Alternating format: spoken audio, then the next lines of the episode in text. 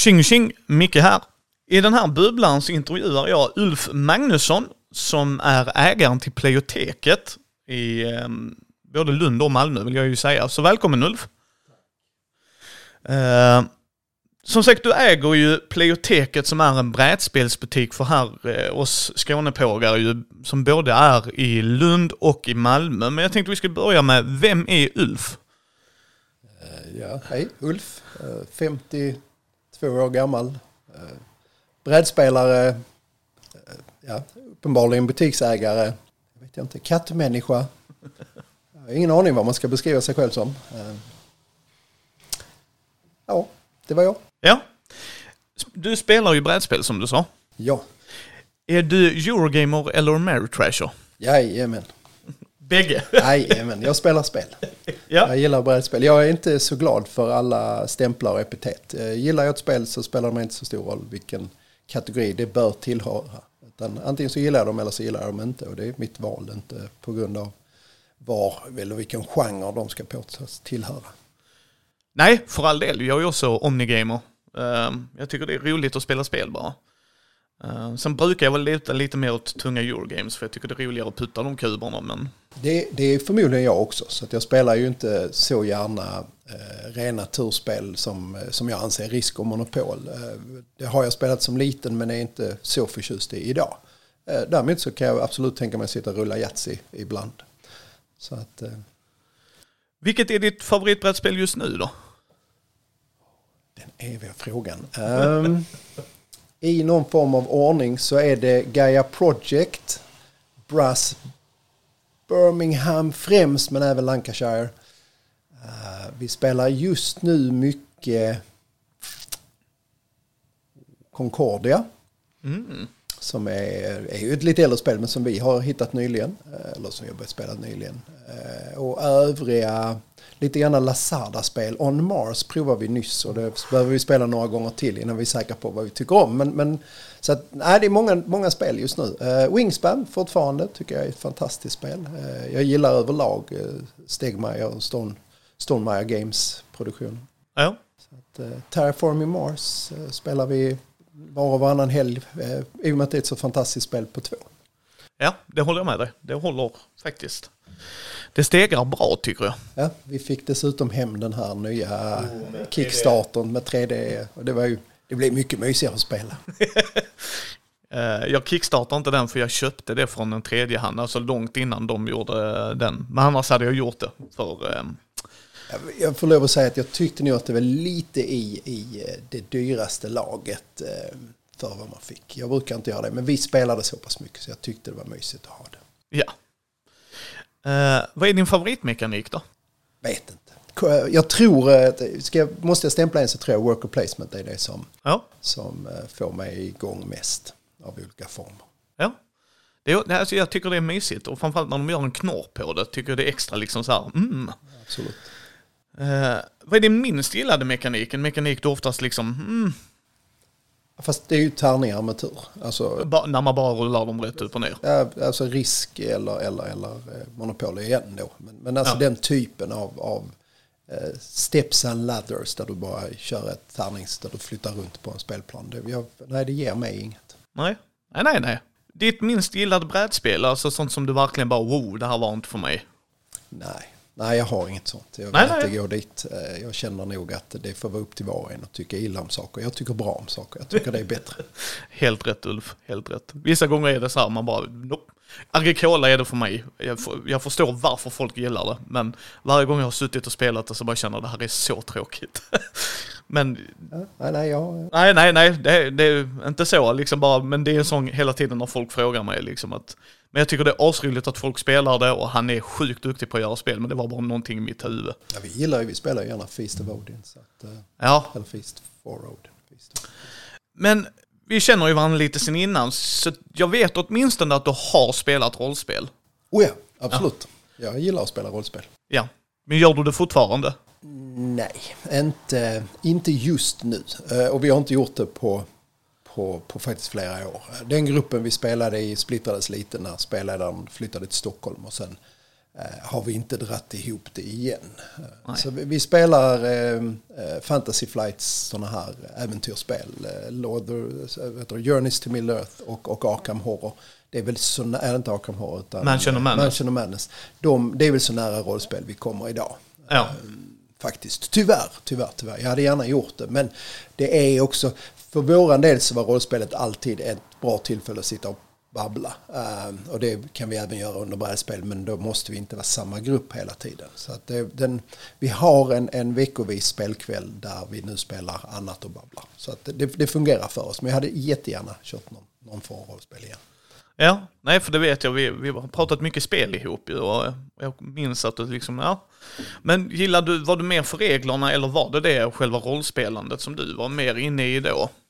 Eh, eh, det beror mycket på gruppen. Eh, och den senaste gruppen vi hade så var vi nog mer regel... Regel, alltså mer, mer egentligen i, i ren, ren, på ren engelska hack and slay där vi, vi gick runt och, och hittade monster som behövde stryk och vi, vi levererade. Så att nej, annars, nej, jag gillar att rollspela men då måste gruppen som jag spelar med gilla det också. Och gillar inte gruppen att spela så har jag ingenting emot att äventyrshacka mig runt heller. Utan, utan den varianten. Och jag, jag, är med dig där. Jag tycker att det är, det är gruppen som får styra, att man har det samtalet innan. Liksom. Är det en dungeon crawl så kör du ju premissen där och nu har ju OSR-vågen, eller men alltså OSR har ju börjat dyka ut mer och mer och jag har blivit introducerad i det, att då kan man ju välja dem också. En open source eller vad är OSR? Uh, old school role playing. Så då är platsen viktigare, då är grottan det viktigast, karaktären är mer... Uh, Okej, okay, ja, ja. nej. Advanced Dungeons and Dragons-tiden liksom, så är det folk som har hittat tillbaks till det och så gör de en knorr på det. Mörkborg till exempel. Ja, just det. Just det. Ja. Ja. Ja, nej, vi spelar ju, vi spelar, det vi har spelat mest är ju Dungeons and Dragons. Och nu spelar vi femte, vilket jag fortfarande påminner, tycker jag rätt mycket om den vanliga, alltså Advanced Dungeons and Dragons. Så jag tycker att den fortsätter. Och nu går jag emot mig själv för där i det spelet så, så rullar man ju mycket tärningar yes. för att, eh, och det, men, det, men det är man ju medveten om och det är ju inte där spelar man ju inte mot andra spelare, alltså där spelar man inte för att vinna. Vilket Nej. annars tyvärr är, är väl min, min knorr på att spela spelet. Jag gillar att jag gillar att vinna, jag gillar att spela för att vinna. Jag måste inte nödvändigtvis vinna, men jag blir mycket gladare om jag gör det. Nej men jag håller ju med dig, att spelet säger ju till mig att jag ska försöka vinna och då vill jag göra det. Alltså, det är ju... Men Spelledde du då eller var det bara spelare? Jag har bara spelat, mestadels bara spelat. Jag tror jag spelade en gång för länge, länge, länge sedan när jag var väldigt ung. Men inte sista, sista åren. Nej. Och vad var ditt favoritrollspel? Jag tror fortfarande MUTANT, eh, den gamla MUTANT 1 och 2 ligger nog kvar som den totala favoriten. Men det är ju säkert en nostalgitripp som, som för det har jag inte spelat på, på många, många år. Eh, vi köpte på oss de, de senaste, nyaste, men de var ju så pass annorlunda i uppbyggnaden så att vi vi övergav dem igen och så får vi väl titta. Jag har ju en del av det gamla kvar så vi kan säkert titta på det. Men, men ja, vi får se när vi får ihop ett rollspel igen. Annars Dungeons and Dragons tycker jag är, är väldigt skönt. Mm. Just för den casual nivån där det faktiskt ligger på. Eh, och det är roligt att levla. Alltså det finns ja, något som, som, alltså. eh, som triggar en där. Nu blev jag bättre, hurra! Ja, eller hittar ett bättre svärd. Kolla nu hur magin funkar eller får ny level och ja. Eh, men jag tänkte vi hoppar in. Du äger ju Pleioteket i Malmö och Lund. Ja, och vi har även webbutik. Ja, och ja. precis. Och alla länkar kommer att vara i show notesen, gott folk, så ta en titt eh, Men hur började den resan? För du var ju inte, var du, du startade väl inte Pleioteket ju? Ja, Ja, nästan. Eh, ja, egentligen så kommer jag ifrån från... Eh, jag har ju spelat spel i, i många herrans år och även eh, varit med och hjälpt till och drivit bland annat konvent i, i Helsingborg en gång i världen. Det måste ju ha varit 90 91 och 92. Eh, och innan dess så var vi även ute mycket på de andra konventen. Men i samband med 91 och 92 när vi drev dem så kom jag i kontakt med några människor som jobbade på Tradition som den butikskedjan hette en gång i världen. Eh, och senare när jag sökte mig runt här i livet så, så snubblade jag över att bli Magic-säljare för ett, en firma i Danmark som inte finns längre. Eh, och de förlorade den licensen till sagda tradition eller deras distributionsbolag och då kontaktade jag dem angående om de inte behövde mer folk och det gjorde de inte för de hade fått reda på det långt innan vad vi fick reda på det. Eh, så att jag blev av med mitt jobb i och med att vi inte, jag inte hade någonstans att sälja min Magic till för jag fick inte sälja Magic längre i det. Så då, men då i alla fall den ene killen där kom ihåg mig från förr och sa men du, vi eh, behöver en butikschef i vår butik i Malmö visade sig. Och då snubblade jag in där. Sen jobbade jag för Tradition och både som butikschef och även som inköpare för det som senare blev eh, EB Games i Skandinavien och senare som blev GameStop som nu har flyttat ut ur landet igen. Men eh, där eh, jobbade jag i sju år. Och då fick jag rätt mycket grunder och träffa mycket folk. När de sa att nu slutar vi med brädspel och rollspel så kände jag att ja men vad fanken, då ska jag nog flytta mig vidare. För jag var trött lite på den amerikanska kulturen i bolaget och även att jag kanske skulle göra något annat.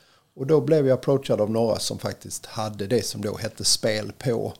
Och det fanns i Lund och Kristianstad på den tiden. Eh, och då frågade de om jag ville köra det. Och då började jag där.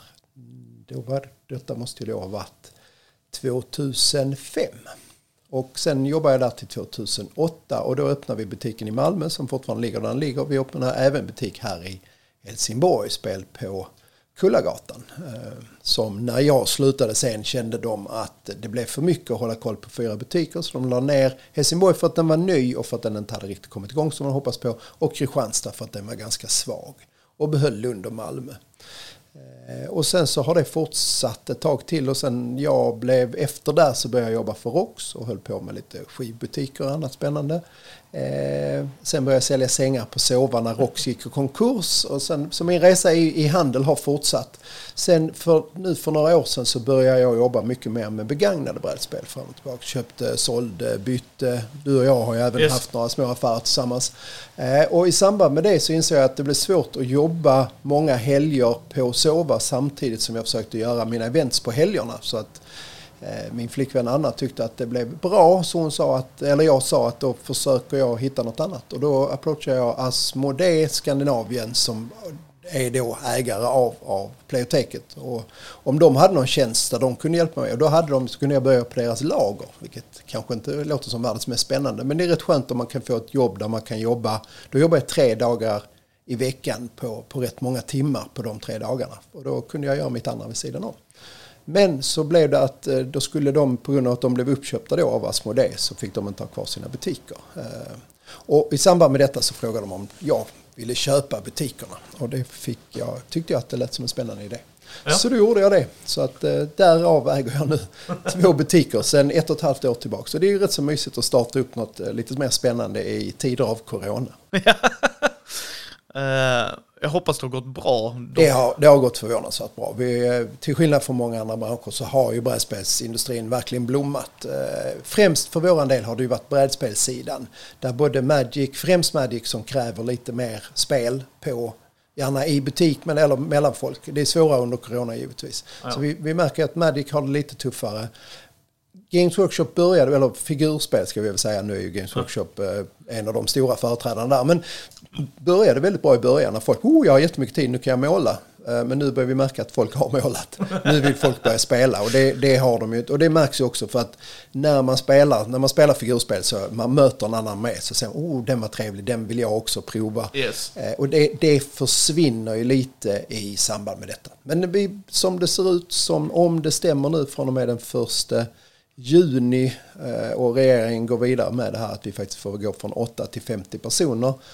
Eh, så ska vi titta på det att man helt enkelt att vi säger att nu får folk sätta sig på plats och få ha sina tillsatta platser och i så fall kan vi kanske öppna upp våra spelrum igen för de har vi varit tvungna att ha stängda nu under hela perioden här.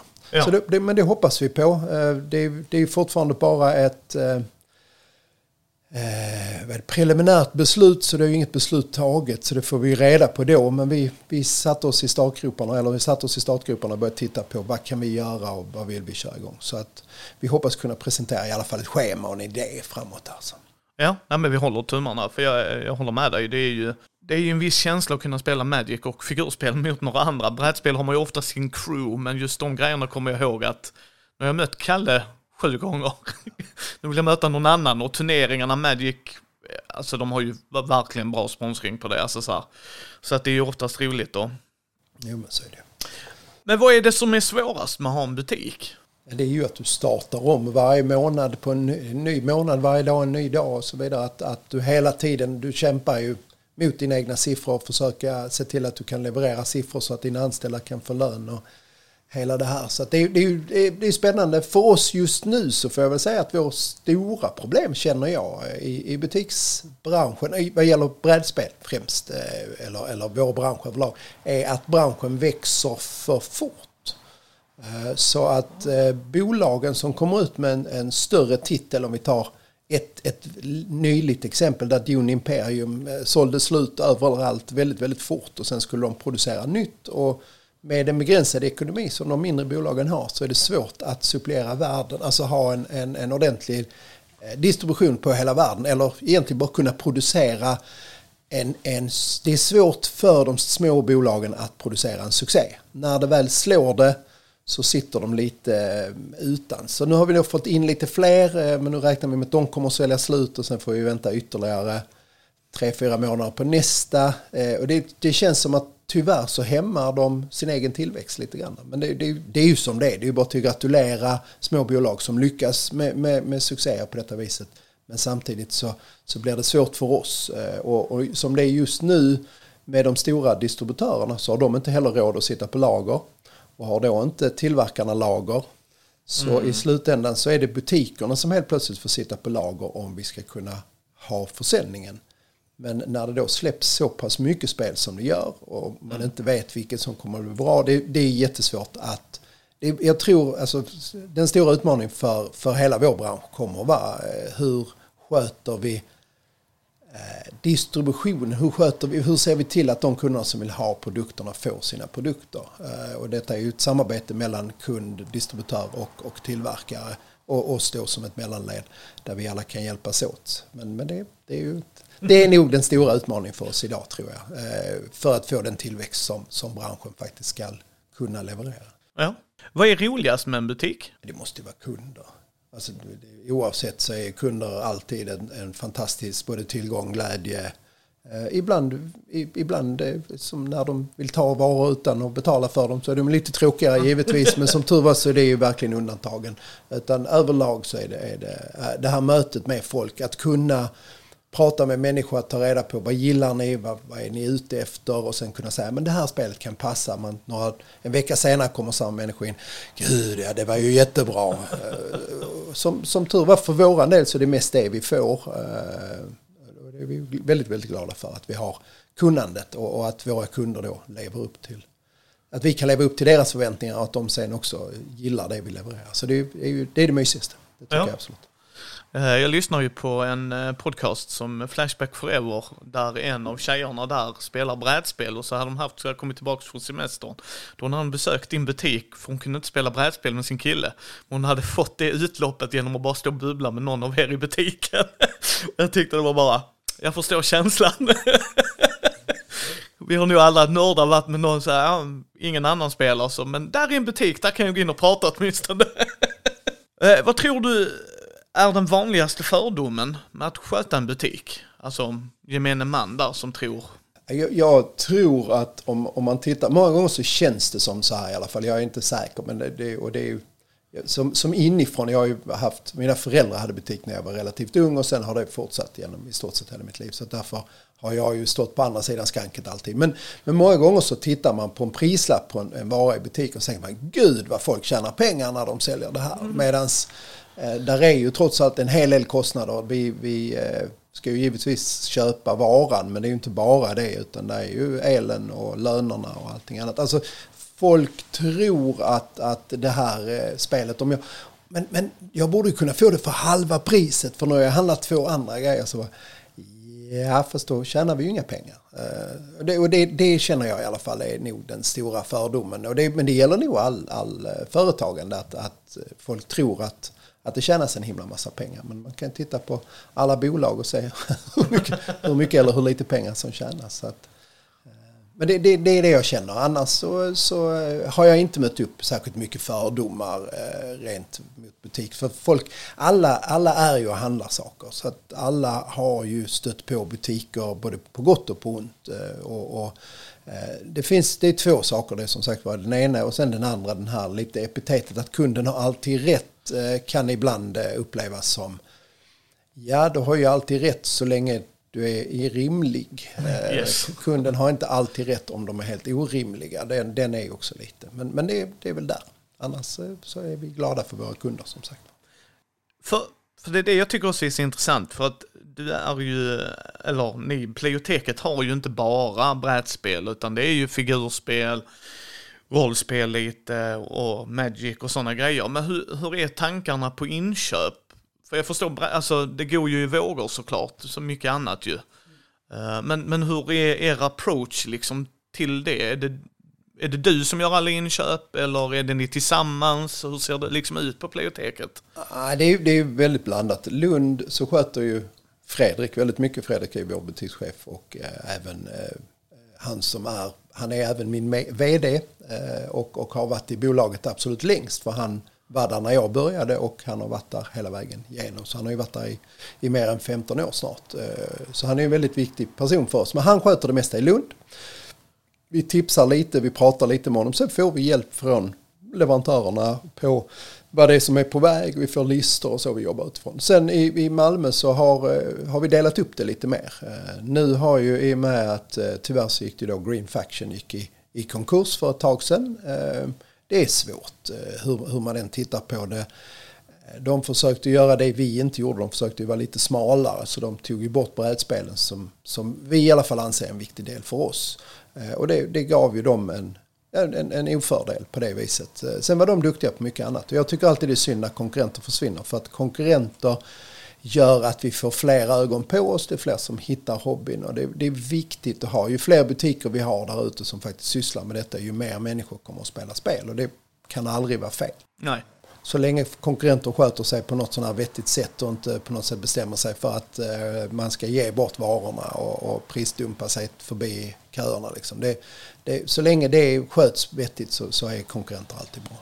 Uh, men, men med det sagt, därifrån fick vi med oss eh, Jao Almeida, Chao Almeida som var eh, Chris enda anställda så att säga. Eh, och, och, han har då börjat jobba hos oss eh, och det tycker vi är väldigt trevligt. Men han har med sig lite färska idéer på inköp på, som de jobbade med, saker som vi inte har jobbat med innan. Så han kommer vi jobba mycket med, eller han jobbar mycket med det. Och sen är det ju då eh, min vän Alexander som är den stora kungen på figurspel i, i vår butik. Så han sköter hela den biten. Så att jag har hand om brädspelen, Alexander har hand om figurerna och jag hjälper oss med att hitta nya grejer. Ja. Eh, så lite det är teamwork rakt igen. Ja, men det är härligt, det är härligt. Mm. Men nu har du ju tagit över de lokalerna blir det ju, alltså så här, alltså de är ju kvar. För Pleoteket har aldrig flyttat har de det? Den butiken i Malmö skrev jag kontrakt på från första början och sen har den legat där sen dess. Och likadant Lundbutiken är, nej, så att ingen ja. av dem har flyttat. Nej, vi har stängt ner butiker i andra städer men, men äh, än så länge har vi inte flyttat. Vi tittar lite i Malmö för att se om vi eventuellt kan komma lite närmre äh, själva centrum. För vi känner att centrum krymper när det, när det blir mer och mer näthandel och mindre och mindre butikshandel. Och då, ja då är de här ytterbutikerna där vi ligger lite mer i Malmö. I Lund däremot så ligger vi nära både stationen och, och eh, den här eh, nya spårvagnen. Yes. Eh, komma på vad det heter. inte så, inte så van vid spårvagn i Sverige. Men, men så, att, och där, så där känner vi att vi ligger väldigt, väldigt bra på Clemenstorget. Där har de ju verkligen, och det har de ju fräschat upp nu så det är ju ett mysigt torg att vara på. Ja. Och det märks också att den butiken har börjat öka på sin försäljning lite grann på grund av att nu kan folk se oss. Innan var det ju en byggarbetsplats, har ju varit det i snart fem år. Ja, det, det slog mig, det stämde ja. Det var liksom så här, ja där är det för jag vet var jag ska gå. lite så, så det, det är ju väldigt positivt för oss. Ja, men hur är tankarna när man har en butik liksom på placering och det? För jag tänker där måste ju var inte en baktanke, det låter dumt, men du vet så här, det, det är ju en strategi bakom det och... Från början när vi tittade så, så gick vi runt och så kollade vi runt var finns det lediga lokaler till att börja med är ju rätt så viktigt för man kan inte göra riktigt som Zlatan och gå in till någon och knacka på och säga hej kan vi köpa ut dig ur denna här så får vi en ny fin lokal. Även om vi har blivit approachade av folk i Lund som gärna vill försöka sig på detta men det har vi sagt nej tack till. Men i alla fall, uh, nej eh, så det, det, man får bestämma lite grann för att Eh, placeringen kommer ju bestämma din hyra. Eh, och då får man ju göra först, det första man måste göra när man ska öppna en sån här verksamhet är att se hur mycket kommer jag sälja per månad. Hur mycket kostar det att köpa in det jag ska sälja per månad? Hur mycket kostar det i löner? Och sen därifrån, vad har jag då råd med i hyran? Så att du måste ju titta på kostnadsfloran och sen se vad, vad har jag råd att ligga helt enkelt. Så att tittar man på oss till exempel så har det varit svårt för oss att gå in i ett, ett köpcentra av de här dyrare köpcentra. Om man tittar på Väla till exempel som tar eh, ja, det är flera tusen kronor per kvadratmeter mm -hmm. år. Så en hundra, alltså, om man tittar på den lokalen vi har i Malmö till exempel med bara butikslokalen så hade vi ju betalat två och en halv, tre gånger så mycket för det på Väla. Eh, och då är frågan, hade vi sålt för två och en halv, tre gånger så mycket? Kanske. Men vi hade ju haft öppet flera timmar mer dessutom för du styrs ju väldigt mycket av det också. Eh, och det är ju nästa lilla kostnad. Löner är ju en, en kostnadsfråga. Så, att, så att det, det, man får titta på där är ju vad har man råd att ta vägen och sen hitta en lokal som passar. Och sen för våran del så var det ju bra att få en lokal som vi har både i Malmö och Lund med lite bakutrymmen där vi kunde ha spelutrymmen. För det har varit viktigt för oss också att vi, vi kan se till att ha hobbyisterna inne hos oss. Så de kan köra, så vi kan köra turneringar och, och, och eh, ja, allt som spelkvällar och så här. Det, det var vad vi tittade på från början i alla fall. Ehm, när jag jobbade på tradition så var det ju egentligen bara att titta på prime locations och hitta de bästa placeringarna och sen kolla liksom, ja, var finns det en sån och så åka in där. Men när man är mindre som vi är så får man leta lite mer eh, specifikt och sen så får man ju kanske gå ett varv runt det kvarteret och se hur ser det ut? Vad ligger här för annat? Vad, vad är det som blomstrar här? Och är det mest tomma lokaler och öde hörn och folk står på hörnet och ser ut att sälja annat så kanske man inte ska flytta in där. Utan får, så det, är, det är viktigt att man, man tar reda på var och eh, samma sak är var finns ens kunder? Hur, hur hittar de till oss? Kan de gå dit? Kan de cykla dit? Kan de köra bil? Och så vidare. Så det är, det är mycket som styr när man ska, ska hitta en lokal som, som passar. Så är det ju, så är det Men sen, sen har vi inne i lokalen också, för det är ju det som också blir en jag har märkt, och det är inte bara ni, att man skyltar oftast med brädspel ju. Uh, och sen är där ibland promotion för Warhammer och sådana grejer också. Så jag tänker ju att det är en tanke där bakom också ju liksom. För våran del har det ju varit nu i med, som sagt var, främst i Malmö att, att Chris, har, eller då Green Faction har varit figurspelsbutiken och vi har varit uh, den här uh, andra. Och där blev det ju lite så. Förr hade vi mycket mer eh, Warhammer i, i skyltningen. Eh, det är helt korrekt och det får vi börja backa tillbaka till nu. Men det har också varit att eh, Warhammer är lite mjölken. Eh, så man ställer den längst in för folk hittar till, till de grejerna. Eh, och det vi märker mycket främst nu är att det är brädspelen som lockar in nya kundgrupper på ett helt annat sätt. Det gör inte figurerna på samma sätt. Men med det sagt, eh, det bör också, det har du rätt i, det bör vi också titta på. Ja, nej, jag bara tänkte... Nej, för, nej, ja. nej, nej, nej, för jag har pratat med andra butiker, för jag älskar att intervjua folk om det här att till exempel Måns från World of Board Games, som jag känner privat också, sa att många gör misstaget att de inte tar in monopolens. Alltså för, ja, men det är så här, jo men folk kommer ju kommer gå in, köpa monopolet och då kommer de ju se badang, Ticket to Ride och allt det där ju. Och det är det jag menar, man har en tanke bakom det, liksom vilka brädspel man skyltar med, liksom att du behöver ju inte lägga On Mars där för att fatta att eh, tung Eurogame Micke kommer i Playoteket, jag vet ju var det ligger, jag går ju in där av en specifik anledning ju. Vi, vi, visar upp en del nyheter i skylten alltid, men, men vi har i stort sett alltid ett monopol stående. Uh, eh, fjolårets storsäljare för oss var Monopol Malmö. Så oh. länge vi fick lov att ha det. För det var ju, vi fick köpa upp ett litet restlager av eh, dem. Så vi köpte för vara oss rätt mycket. Men de har tagit helt och hållet slut. Men det, och den stod i skylten. Och det var ju en fantastiskt bra eh, indragare för oss. Eh, och det, så, men absolut, vi har nästan alltid monopolrisk eller något av de här mer kända.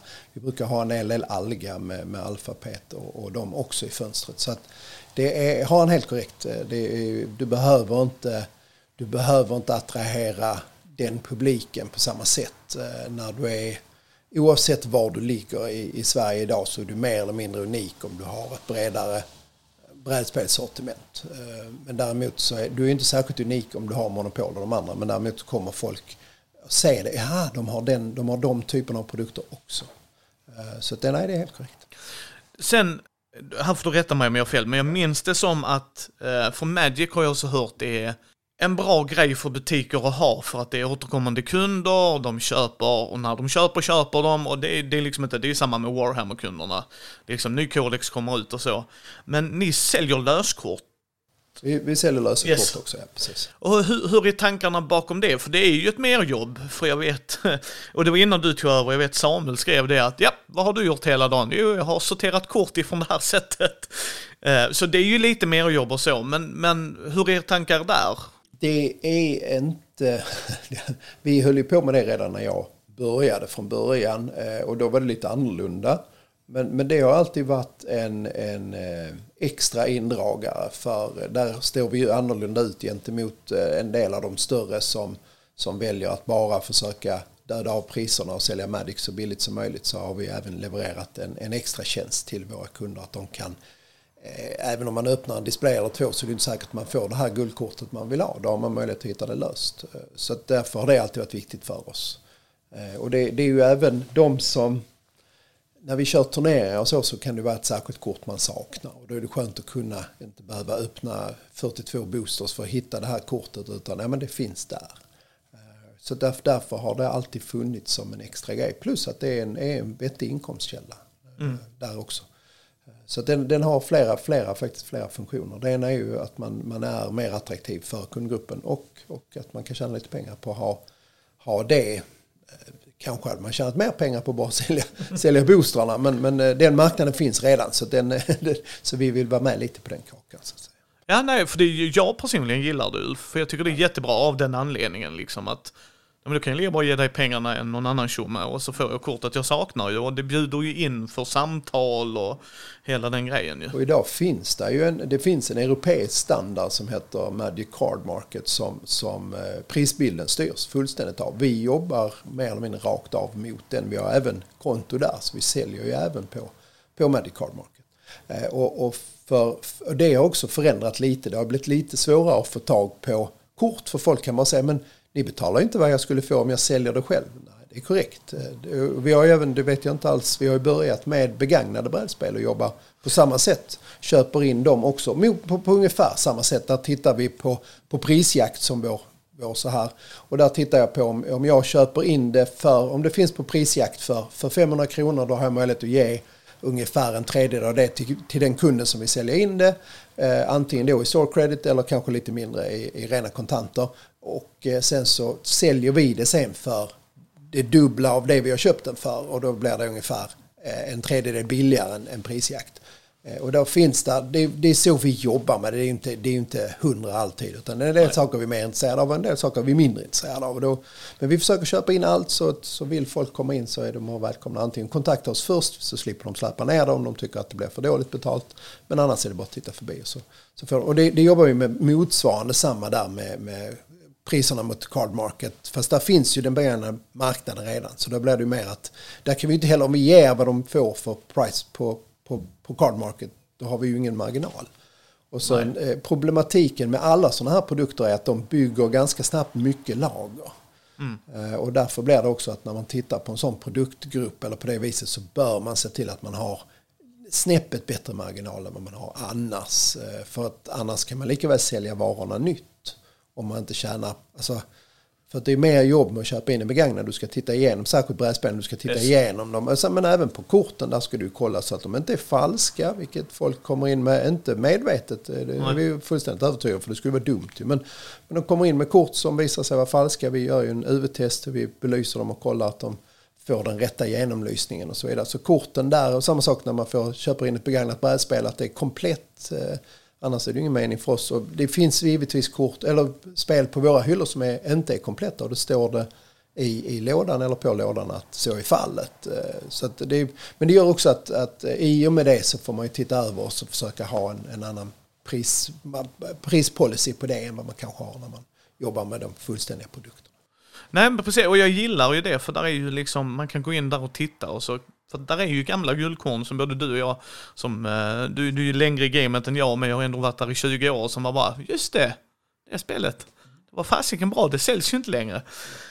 Eh, sen, sen är det ju, som tycker jag är så intressant för, jag vet samma sak, jag har lärt mig en del genom att prata med Måns där med reservdelar eller när någonting går i sönder. Så har han sagt där att svensk lag är rätt tydlig med att man ska gå till där du köpte det. Ja. Ja. Men det är inte säkert att så funkar det i USA. Så ibland har han fått ta ett spel och slakta. För att det går inte att få delarna från dem, för de säger att kunden måste höra av dig. Bara, nej, fast de hör av sig till mig, jag har köpt den av er. Ni måste skicka delen till mig. Och då har han sagt att ja, ibland får han slakta en låda, men så sa han, sen har han ju den för reservdelar ju. Har du upplevt samma grej eller du har klarat det rätt rimligt? Nej, jag har inte, vi, nu kan det ju också vara så att vi handlar ju inte extremt mycket med USA. Utan vi handlar ju väldigt mycket av både då Asmodee och, och sen, sen även då eh, Spilbrett, eh, de danska... Eh, Bretts, vad heter de?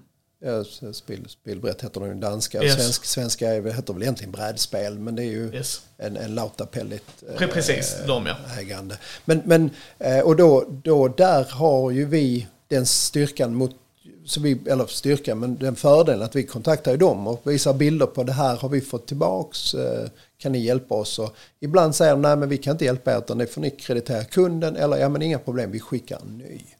Eh, och då skickar eh, Asmodee nästan alltid en ny del och så har de ett ganska stort reservdelslager. Och det, det är en väldigt skön bit att ha för oss.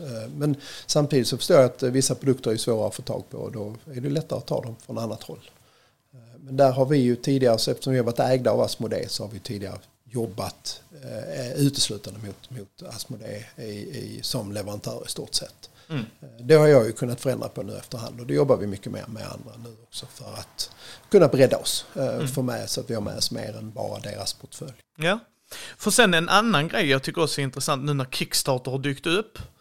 Jag vet inte om, eh, vi pratade ju lite innan du, som du sa här att du backade ju den boxen. Så Ulf backar ju. Ja, ja, absolut. Jag har backat en hel del. Ja, det, det har jag också. Eh, mer än hundra. Ja, ja, nej, jag ligger strax under 100. Så.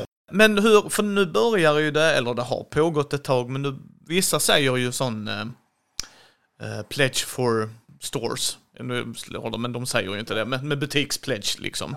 Har ni tänkt på det också? För jag vet vissa vägrar ta in det av, för att de säger att de vet inte när det kommer in ju. Alltså, vi, vi jobbar med det en del, inte, inte extremt mycket. Och det är inte av den anledningen att vi inte vet vad som kommer in. Utan för våran del, för min del främst, det, det är rätt personligt, så har det blivit att eh, det kommer för mycket produkter på Kickstarter. Och även om det är en succé där är det absolut inte att det blir en succé senare i handel. Eh, Och lite grann faktiskt, precis som andra också säger, är att ibland så får vi den snabbare via våra distributörer än om vi kickstartar den. Och då känns det lite larvigt. Eh, Och då är det bättre för oss att supporta våra distributörer. Prisbildsmässigt sett så sparar vi inga direkta pengar på att köpa den direkt. Jag är däremot väldigt fan av Kickstarter och hela den här crowdfunding-grejen. Jag tycker det är väldigt trevligt att det finns bolag numera som, som vi pratade om tidigare, Stonemeyer, även Leder Games och de här som har blivit väldigt, väldigt stora tack vare sina Kickstarter och, och eh, Frost, Frosthaven och Gloomhaven. ja, Isaac där, ja precis. Precis, Eh, och, och det är ju jätteroligt. Frosthaven har vi varit med och kickstartat. Drakborgen har vi varit med och, och Åh, kickstartat. Så- fasiken vad skoj så att, eh, de, men det är ju både, Drak, Drakborgen är ju tyvärr eh, slutsåld eh, alltihopa, även det som butikerna har tagit in. Förutom de butiker som kanske inte har webbutik. Så vill man ha Drakborgen så får man ju kolla runt om det man har någon sån i närheten eller om man känner någon som har en sån butik i närheten som inte jobbar med, med det. För det ser ut som att, jag vet att Alfaspel som har köpt in, nu nämner jag en konkurrent vilket jag inte har någonting emot, jag tycker tycker det är en bra butik på många sätt och vis. Eh, jag vet att deras sålde slut och även, även eh, några av de större drakarna har också köpt in lite och de har också sålt slut på. Så att det ser ut som, eh, och våra sålde slut rätt nyligen för vi var lite sena på fötter på vår hemsida. Men, så det, det, det, men det är ju vi, där vi hittar någonting som jag känner, men det här är inga konstigheter, det här känns bra och här kan jag tänka mig, som Isaac gillar jag rätt så mycket, jag tycker han gör mycket roligt och, och jag hoppas att, att vi supportar honom och kan ge honom lite extra pengar eh, snarare än att kapa delar av hans eh, skulle egentligen vilja jobba mer med, med, med Stonemeyer men de har ju slutat Awesome. kickstarta. Utan, och, eh, jag, jag, är ju det som heter Stonemeyer Champion och får deras nyhetsmail. Och jag tänker fortsätta supporta dem med den 200 kronor per år som, som det innebär. Även om jag numera har slutat köpa de grejerna från dem eftersom det är bättre för mig att ta dem via mig själv så att säga. Ja. Men, men, men där tycker jag, jag tycker han är, jag tycker att Jamie Stegmaier är en underhållande karaktär. Sen har han en del åsikter vad gäller Brick Mortar som jag kanske då givetvis inte håller med Men i övrigt så, så tycker jag han är, är väldigt underhållande. Eh, men, men om man tittar på det stora med, med, oss och Kickstarter så är vi väl inte, inte någon av de större eh, konsumenterna av, av kickstartade produkter utan vi försöker Eh, försöker faktiskt köpa dem mer eller mindre mestadels av, av distributörerna för att det ska vara lönt för distributören också att fortsätta. Det, det måste, man måste titta på lite mer helhetsbilden och det gäller ju även eh, för, för våra kunder att, att de tittar in hos oss och köper varor där då och då så att vi också kan finnas kvar. Så att Kickstarter är ett bra supplement. Eh, många produkter hade aldrig kommit om det inte var för Kickstarter och det är jättetrevligt att se att, att kunderna kan vara med och, och bestämma i, i första ledet istället för i sista ledet. Eh, så att, eh, men, men för vår del så är det inte någonting vi kommer att satsa några jättemycket tid och pengar på idag. Nej, nej, nej, och jag förstår liksom varför. Ni har inte, Playoteket hade ju inte alltid en eh, webbutik ju. Nej. Men det har ju blivit det nu och mm. det var innan du tog ja, över så att absolut. säga också.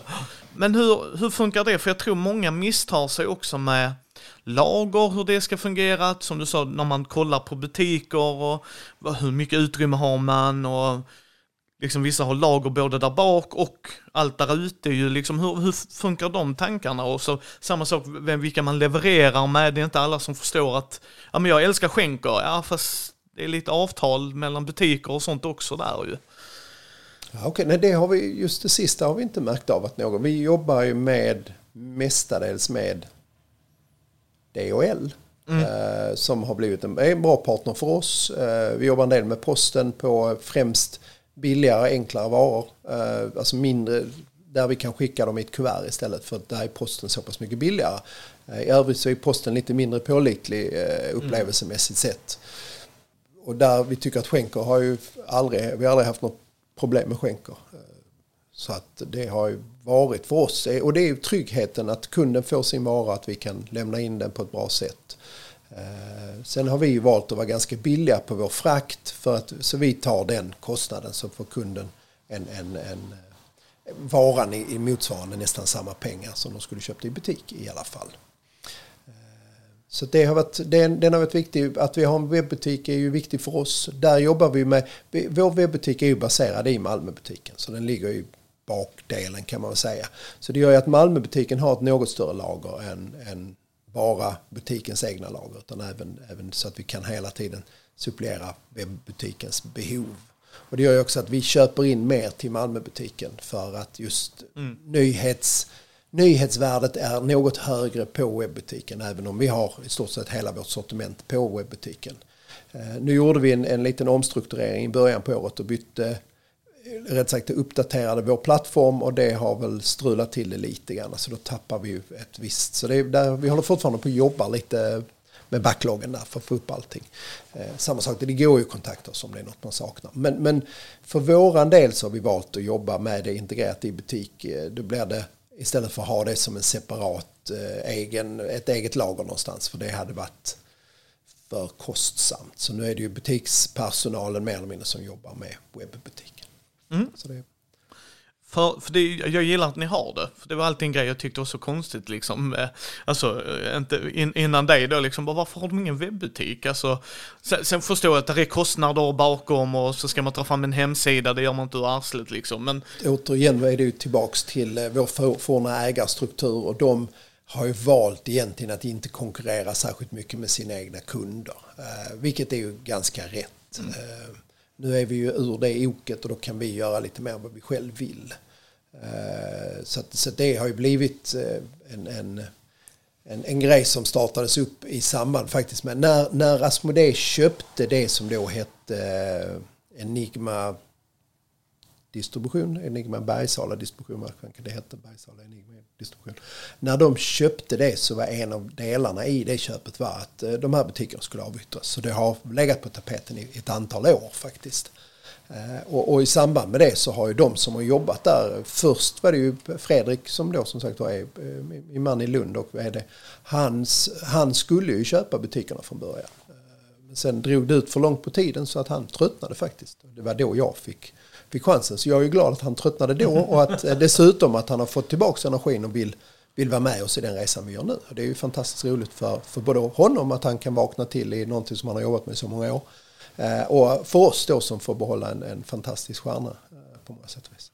Ja, för sen, för sen tänker man, eh, vi har hört att många butiker, inte alla och beroende på hur man hör, men de älskar ju att hålla turneringar, dels för att det drar in folk i hobbyn, Alltså att man kan ha nybörjartävlingar och liksom så här, har du aldrig provat Pokémon, kom in och prova liksom.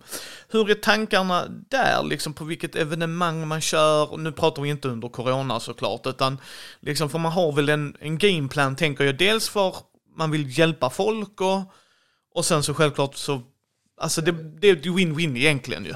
Det är, det är en dubbel one på alla sätt och vis. Eh, vi har ju tidigare eh, alltid legat med att vi har en brädspelskväll eh, i början på veckan, både i Malmö och Lund. Ehm, och det har ju varit... Från början så var det ju tanken att, att folk skulle få komma in och prova de spelen som de menar, så småningom kanske ville köpa. Ehm, nu har det blivit mer eller mindre att det har blivit en liten grupp som sitter där och spelar eh, mer eller mindre sina egna spel. Ehm, så det är ju någonting som vi blir tvungna att ta tag på här framöver och bestämma vart vi vill komma med, med, med hela det här spelaktiviteterna. Sen har vi ju andra kvällar, en som är mer inriktad på Fantasy Flight-produkterna och det är ju mycket mer aktuellt. Främst X-Wing har varit mm. den stora där. Men nu tittar jag på, eller vi tittar nu tillsammans med dem om vi ska kanske lägga upp så att vi börjar köra mer Legion då som är deras eh, figurspel och likadant det här Marvel. Eh, Marvel eh, Champ. Nej, nej eh, precis. Crisis Protocol. Protocol. Yes. det, för nu har ju, då är det ju inte Fantasy Flight-kvällar längre för att nu flyttar ju Fantasy Flights hela eh, figurspels, och det är återigen, vi är tillbaka till Asmodee som är den stora draken här just nu. De har ju, äger ju bägge dem. Eh, mm. Både då uh, Atomic Mass som, som gör uh, Crisis Protocol har gjort det bra. Så de kommer nu ta över både X-Wing och, och Legion. Och X-Wing också? Ja, de tar över i stort sett all figurspel. Ja, alltså, dedikerade ja. figurspel. Ja, för vi pratade om i Mindy News eh, Legion så det visste jag. Inte att de tog över allt. Makes sense på ett sätt om de väljer liksom att... Jag tror att de flyttar nog. Det känns som att de flyttar i viss mån licenserna. Uh, för det antar jag. Och det, det känns som att Asmodee flyttar runt och försöker konsolidera upp så att vissa bolag inom sfären ska bara göra en sak. Så jag antar ja. att Atomic Mass blir de som sköter figurerna. Uh, Fantasy Flight kommer förmodligen då fortsätta, detta är ju ren spekulationer givetvis, men fortsätta med, uh, med sina Living Card Games och de brädspelen de har kvar. Och sen har de ju sen tidigare flyttat ut hela rollspelsdivisionen från Fantasy Flight till något annat eh, tredjepartsbolag, eller eh, nej, är fortfarande i Asmodee, det är ett annat bolag inom Asmodee som gör det.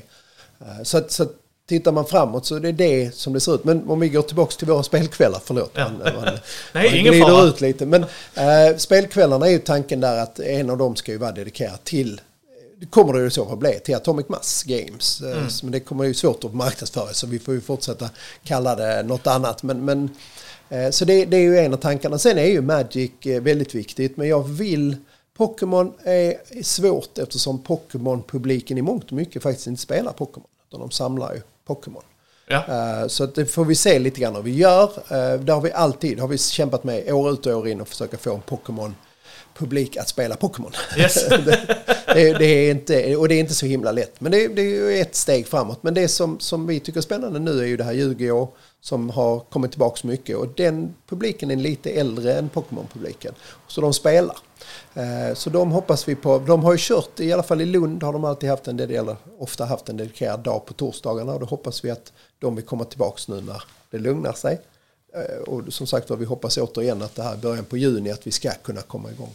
Eh, och sen så är det ju våra Magic-aftnar på olika sätt och vis. Och det, är ju också något vi, vi ärver ju över lite grann därifrån från Green Faction som hade Modern och Legacy som vi har inte kört i, i, då i, på, på Playoteket utan vi har ju mer kört Eh, de här för nybörjare med eh, det som kallas popper som är alltså fattigmans magic där du inte får ha så mycket rare-kort utan det är mer eh, common och uncommon-kort så lekarna blir väldigt mycket billigare. Ja. Och då blir ju kraftnivån motsvarande så det gäller att hitta de lekarna som är bra på det istället och det finns ju att hitta, de spelas ju även på, på deras egen elektroniska plattform så spelas ju de här formaten där också. Så att, ja. Så, att, så att, eh, gående framåt nu så är det faktiskt de närmsta dagarna så ska hela det schemat spikas ihop och, och kommas igenom. Så det var sista vi pratade om här idag bland annat. Att, uh, hur, hur och vad och varför. Och det får vi sätta oss ner med, med de som har hjälpt oss tidigare och, och se. Vi har ju även kört, vi har haft en relativt aktiv Keyforge community. Mm. Och den har ju varit Fantasy Flight baserad så den har ju också legat på sin tisdags uh, och sen har vi haft en gruppering som har kört eh, eh, Warhammer och andra figurspel på, suttit och målat och så. Och de vill vi också få med här. Men nu har vi varit tvungna att stjäla lite plats av bakytorna till, till hemsidan eftersom den växer som den gör. Så, vi får se lite grann vad platsen, vad platsen tillåter. Vi har ju kastat in det begagnade även i, i, i spelrummet. Så att, eh, och det har ju varit bra nu under pandemin att, att använda spelrummen till annat. Men nu måste vi rensa ut, städa ur och röja. Så det är de närmsta dagarna som, som blir lite stressat på det. Och då kommer vi även titta igenom och se vad vi ska göra.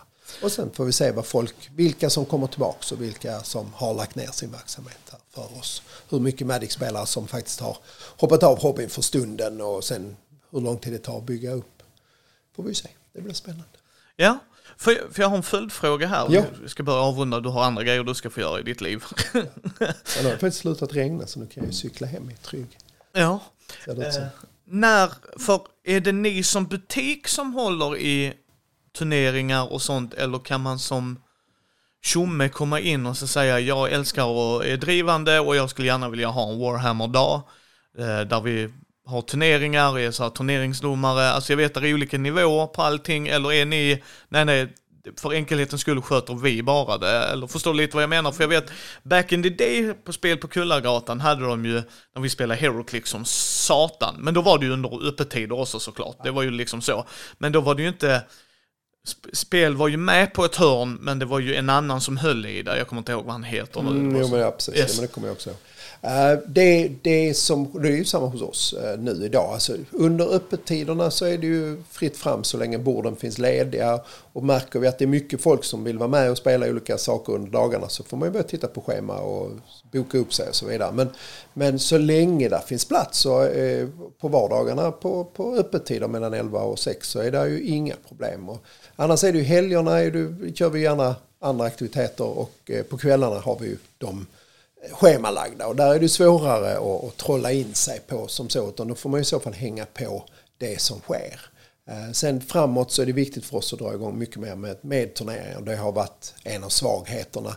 Och en av grejerna jag tänkte att man skulle ändra på när jag började. Men sen kom det ju corona. Så det, det blev ju inte helt aktuellt just nu. Utan vi pratar om det och vi har varit i kontakt med communityn och sen bara plapp. Nej, inte just nu. Nej. Men så fort vi kommer igång så kommer vi titta på det. Men turneringar kommer i mesta möjliga mån vi att hålla i. Eh, däremot Djurgård i Lund bland annat eh, sköts ju av killarna själva. Och då, har de, då hjälper vi till med prissupport och, och de använder våra lokaler och köper produkterna av oss. Men, men, vi står för, eh, då har de en liten entry fee så att säga och sen så för de pengarna kastar vi in produkter till dem.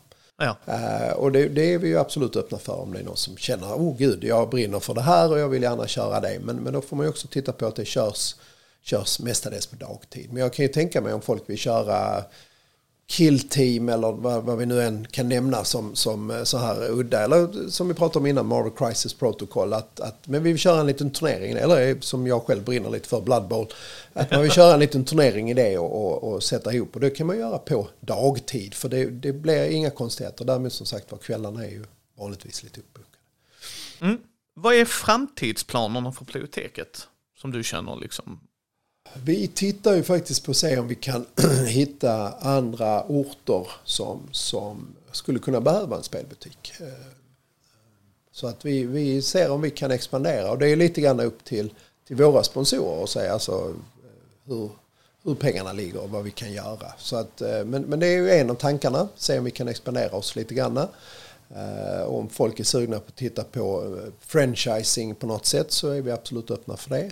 Det finns tankar och idéer. Vi har ju eh, jobbat med, med vissa av våra leverantörer väldigt länge och har väldigt bra relationer. Eh, så det är ju en av idéerna. Eh, annars är det ju business as usual. Vi, vill, vi har ju sista ett och ett halvt åren sedan jag tar över har vi blivit mycket starkare på vissa produktgrupper. Och det vill vi fortsätta stärka upp och se till att, att ta hjälp av, av kunder så att vi köper in det de vill ha. Och det, är, det är det vi vill jobba mot och se Samtidigt har vi fyra väggar. det är så mycket plats. Det är som nu, nu när, när Pussel har varit en stor succé. Mm -hmm. Så har vi varit väldigt sugna på att ta in det men insett att vi har egentligen ingenstans att ställa det. Och då, då ställer vi en, en, en hög med varor någonstans som kanske inte riktigt passar oss 100% bara för att vi ska sälja av dem. Och då är det viktigare för oss att vi har en butik som faktiskt fungerar för folk. Så att folk kan manövrera runt eh, i butiken på ett vettigt sätt. Eh, men, men vår, vår plan framåt är, är att fortsätta business as usual som så. Eh, bli bättre på aktiviteterna och, och eh, likadant få in, ha, fortsätta få vårt sortiment att fungera se till att plocka bort de varorna som folk faktiskt inte köper. Rea bort dem efterhand och sen eh, växa. Och sen eh, så fort eh, konvent och annat öppnar så är vår målsättning, i och med att jag gillar det sen innan, är att vi ska kunna åka på de här. Vi har ju varit med på, på vi var med på sci-fi-mässan, den första som han blev sen jag tog över då i Göteborg. Mm. Och det är ju målsättningen att vi ska kunna vara med på sci-fi-mässorna, följa med Jesper Isberg på hans, hans resa runt om landet om om han fortfarande finns kvar efter pandemin. Och det hoppas jag. Det förstår ja, det hoppas som. jag också. Ja, men det tror jag att han gör. Det känns, han, han är en eh, extremt, eh, extremt duktig entreprenör som, som absolut hittar, hittar lösningar. Så det har jag inte hört något annat. Så det, det ser jag fram emot att fortsätta. Den resan vi har gjort med honom som jag har gjort innan då som, som jag berättade lite snabbt om det här mitt begagnade. Men nu med en, en mycket bättre. Vi hoppas på att kunna ha en butik nere i Essen om det blir ett SN i år igen. Uh, vilket vi också hoppas på givetvis. Så ja. det är ju bitarna där att vi kan köra mycket mer aktiviteter. Uh, nu när Linköping väljer att uh, flytta sitt konvent till, till hösten och köra. Tyvärr kör de ju alla helgona helgen som tidigare har varit uh, Borås spelkonvents stora helg. Jag hoppas att, att de kan komma på något sätt att inte kollidera. Men det, det, jag har inte hört någonting från Borås. Jag vet inte alls hur det ser ut för dem. Men Linköping har ju bestämt sig men kanske att de kan ta varsin helg där eh, i samband med det lovet skulle ju vara väldigt, väldigt bra. Ja. Eh, men det är ju det är som, som det är idag. Det var ju det som var det stora vi ville köra igång med då. Att man kunde haft det som lite grädden på moset. Att, att, eh, och ta de pengarna till att kunna se om vi kanske kunde expandera till, till andra orter. Som, det, det finns ju, det var någon som var i kontakt med mig att de ville öppna en butik i Jönköping bland annat där har vi väl inte någon tentakler ute för våran del utan det är väl eh, annat vi tittar åt. Men det, men det finns många orter i, runt omkring som faktiskt inte har en, en bra spelbutik och det skulle kunna vara trevligt att kunna ändra på det. Ja. Tre tips till någon som skulle vara en av dem som skulle starta en butik. Vad är det liksom så här, tre grejer du tycker, tänk på de här grejerna? Det jag märker av på de som inte lyckas är att de är väldigt mycket mer hobbyister än vad de är entreprenörer. Så att bara för att man brinner för sin hobby är det tyvärr inte så att man är duktig på att sälja de varorna. Så att väldigt, väldigt viktigt för, för den som är, och det, jag säger inte det är något fel att vara, brinna för sin hobby utan det är ju jätteviktigt. Jag brinner ju för hobbyn eh, också. Men, men eh, det, är, det, det, är en av de här stora nitarna och där också som man stöter på folk. Jag vill eh, öppna en butik för jag vill sälja det här spelet för det gör ingen annan vanligtvis finns det en anledning till att ingen annan säljer det. Så att tro inte bara för att du brinner för någonting att resten av världen gör det. Utan ta till dig, ta reda på vad dina kunder vill ha, inte vad du vill ge dina kunder. Även om du absolut kan smyga in någon liten brasklapp här och där. Men, men det viktigaste är att, att lära dig kundgruppen, bestäm dig för vad du vill göra. Inte, att öppna en butik lite random är inte att göra någonting utan ta reda på vad dina kunder vill ha och vad du vill kunna leverera till dem. Få den att fungera. Eh, det tror jag är det absolut viktigaste. Och sen återigen, lokalen är viktig. Eh, ha en som passar, en som man har råd med främst. Eh, och sen vara beredd på att de första två åren kostar pengar. Det finns ingen genväg. Du kan aldrig öppna och tro att det är gratis. Utan det kommer att kosta pengar de första två åren. Så var beredd. Se till att du har tittat igenom din, din plan för ekonomin. Och det tror jag att det är många som går på niten att de har inte tänkt igenom sin egen ekonomi. Utan ja, men det här är det. Oh, jag tjänar ju 400 kronor på att sälja spel för 400 kronor. Nej, det är inte riktigt sant. Utan, ju, tyvärr, vi, vi, är ju inte en av de marginalstarka grupperna i, i samhället eh, som så. Det ska man ju alltid, och det är samma sak vi pratar lite om Magicen. Och Magicen är väldigt hårt prispressad.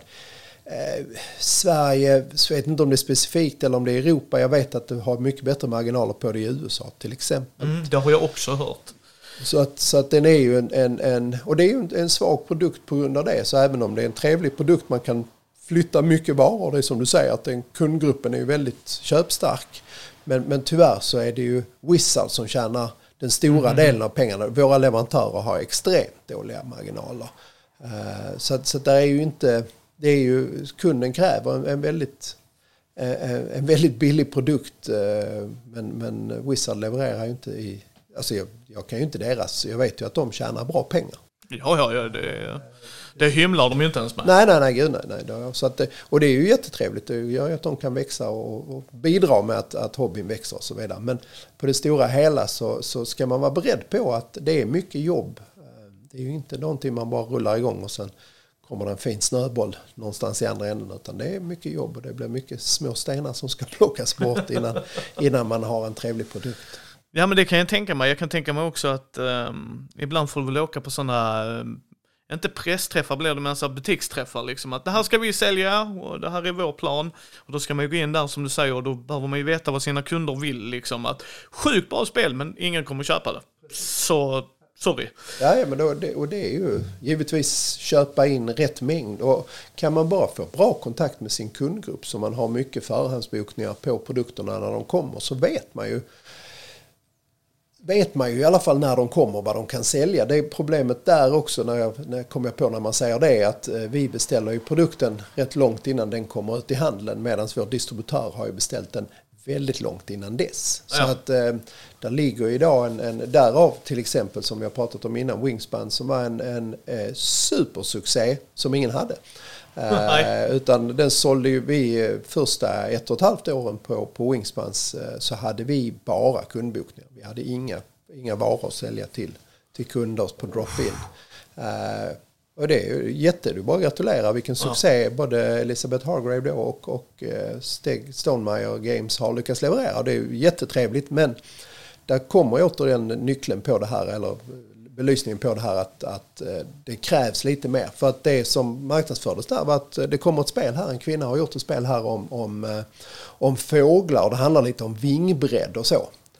Hopp, ja, hur många vill ni ha? Ja, det var ju en jättebra fråga säger våra distributörer. Eh, vad har hon gjort innan? Du vet hon har gjort det här eh, Mariposa då, ett, ett spel om fjärilar. Ja, det har nog ingen sett. Nej, det är korrekt, det var inte så stort. Ja, vi behöver nog inte så många. Eh, det behövde de ju tyvärr. Ja. Ehm, och nu har de ju till och med översatt den till skandinaviska. Eh, och den sålde ju, den första tryckningen sålde ju slut direkt. Det var ju till och med så att ja, vi beställde in väldigt, väldigt många till, för oss eh, ska jag då stämpla och säga. Eh, så pass så att vår leverantör lite grann säger, eh, är du säker på de här volymerna? Och vi sålde ju ändå slut innan jul. Ja, för, förlåt mig för du sa ja. jul där. Det är också en, och det jag älskar det med jul, för som sagt, Måns är en god vän till mig och till podden och sen har jag en polare som jobbar för honom, så han ska säga det, alltså december månad är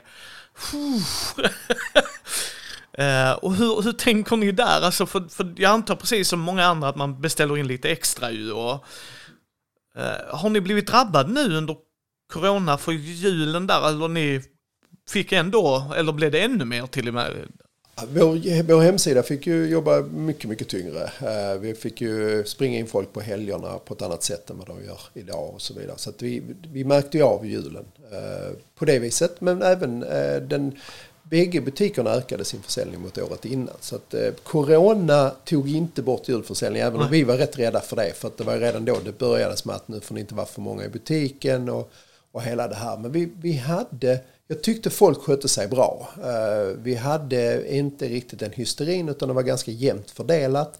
Men ändå så blev det mycket sålt. Ja, det gläder mig. Nej, för det var bara en sån som poppade upp just för att... Uh... Precis, när vi ändå nämner det. Ja, precis. Men så... det, där märker vi också av att, att uh, återigen problematiken med att branschen exploderar. Det är ju att många av storsäljarna just nu, vi tittade igenom det för ett tag sedan, många av storsäljarna har man slut på.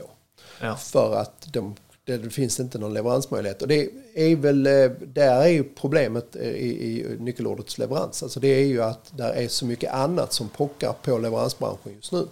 I och med, med eh, pandemin så har det blivit andra saker som har prioriterats. Och sen hjälper ju inte till när de stänger Suezkanalen i, i sju dagar med båtar från, från Kina till eh, Europa och så vidare. Så att det, det blir ju, vi, vi är ju precis som alla andra rätt så så svaga när det kommer till det. Och ytterligare ett stort exempel är Brexit och, och ja. Games Workshop. Games Workshop har ju haft extrema leveransproblem eh, i år på grund av Brexit. Eh, eh, och det är ju ytterligare en sån grej som är spännande. Det krävs så lite för att, att det ska bli stora problem. Nu är det ju återigen, det är ju samma problem för hela Europa. Och det är ju även problem för för Games Workshop eh, själva i, i, eh, deras egen distributionskedja. Så det är ju inte så att vi, här behöver inte vi känna oss drabbade specifikt eh, utan det är ju samma för alla och det, det, det får man ju ta. Och det är kunder, man känner på kunderna att ja, okej, okej, jag förstår det är det som händer och man kan prata med dem. Och vi, det, så det har, det har inte, än så länge känns det ganska bra. Men ett tag först, vi har ju än så länge inte fått i stort sett någonting av det vi beställde i januari har vi inte fått in i butikerna. Allt, mycket av det vi beställde i februari har vi fått in. Mest av det vi fick i mars och sen har det börjat strula igen så nu är vi uppe på lite längre leveranstider igen. Så att, eh, men, men återigen, kunderna har, har accepterat det lite grann och de flyger ut nyheterna vilket är bra för oss för att det får vi i alla fall nyheterna i tid. Ett tag fick vi inte ens det. Vi har, som sagt var, januari-nyheterna ligger i ett lager i Tyskland i Hönö. Eh, ah. Som så här EU-lager. Och det är så mycket varor där nu så att det kommer ta dem lång tid att, att, att plöja igenom det eh, UPS-laget där. nej, det är, det är ju alltid nya spännande utmaningar. Som, som, som sagt, men för vår del, eh, vi känner att vi ökar bra. Vi har bra tillflöde både av kunder, nya produkter. Eh, som sagt var med ny personal, eh, lite ny tillförsikt framåt.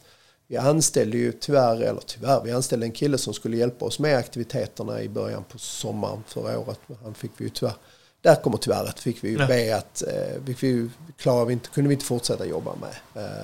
Som tur var så hade han möjlighet att gå tillbaka till sitt gamla jobb så att det är, det är fortfarande en, en en god kund och en god vän. Så det är vi väldigt glada för att, att det har löst sig bra. Men det är, det är sådana saker som händer under, under pandemiår när man har en plan och en idé och sen så går allting åt skogen.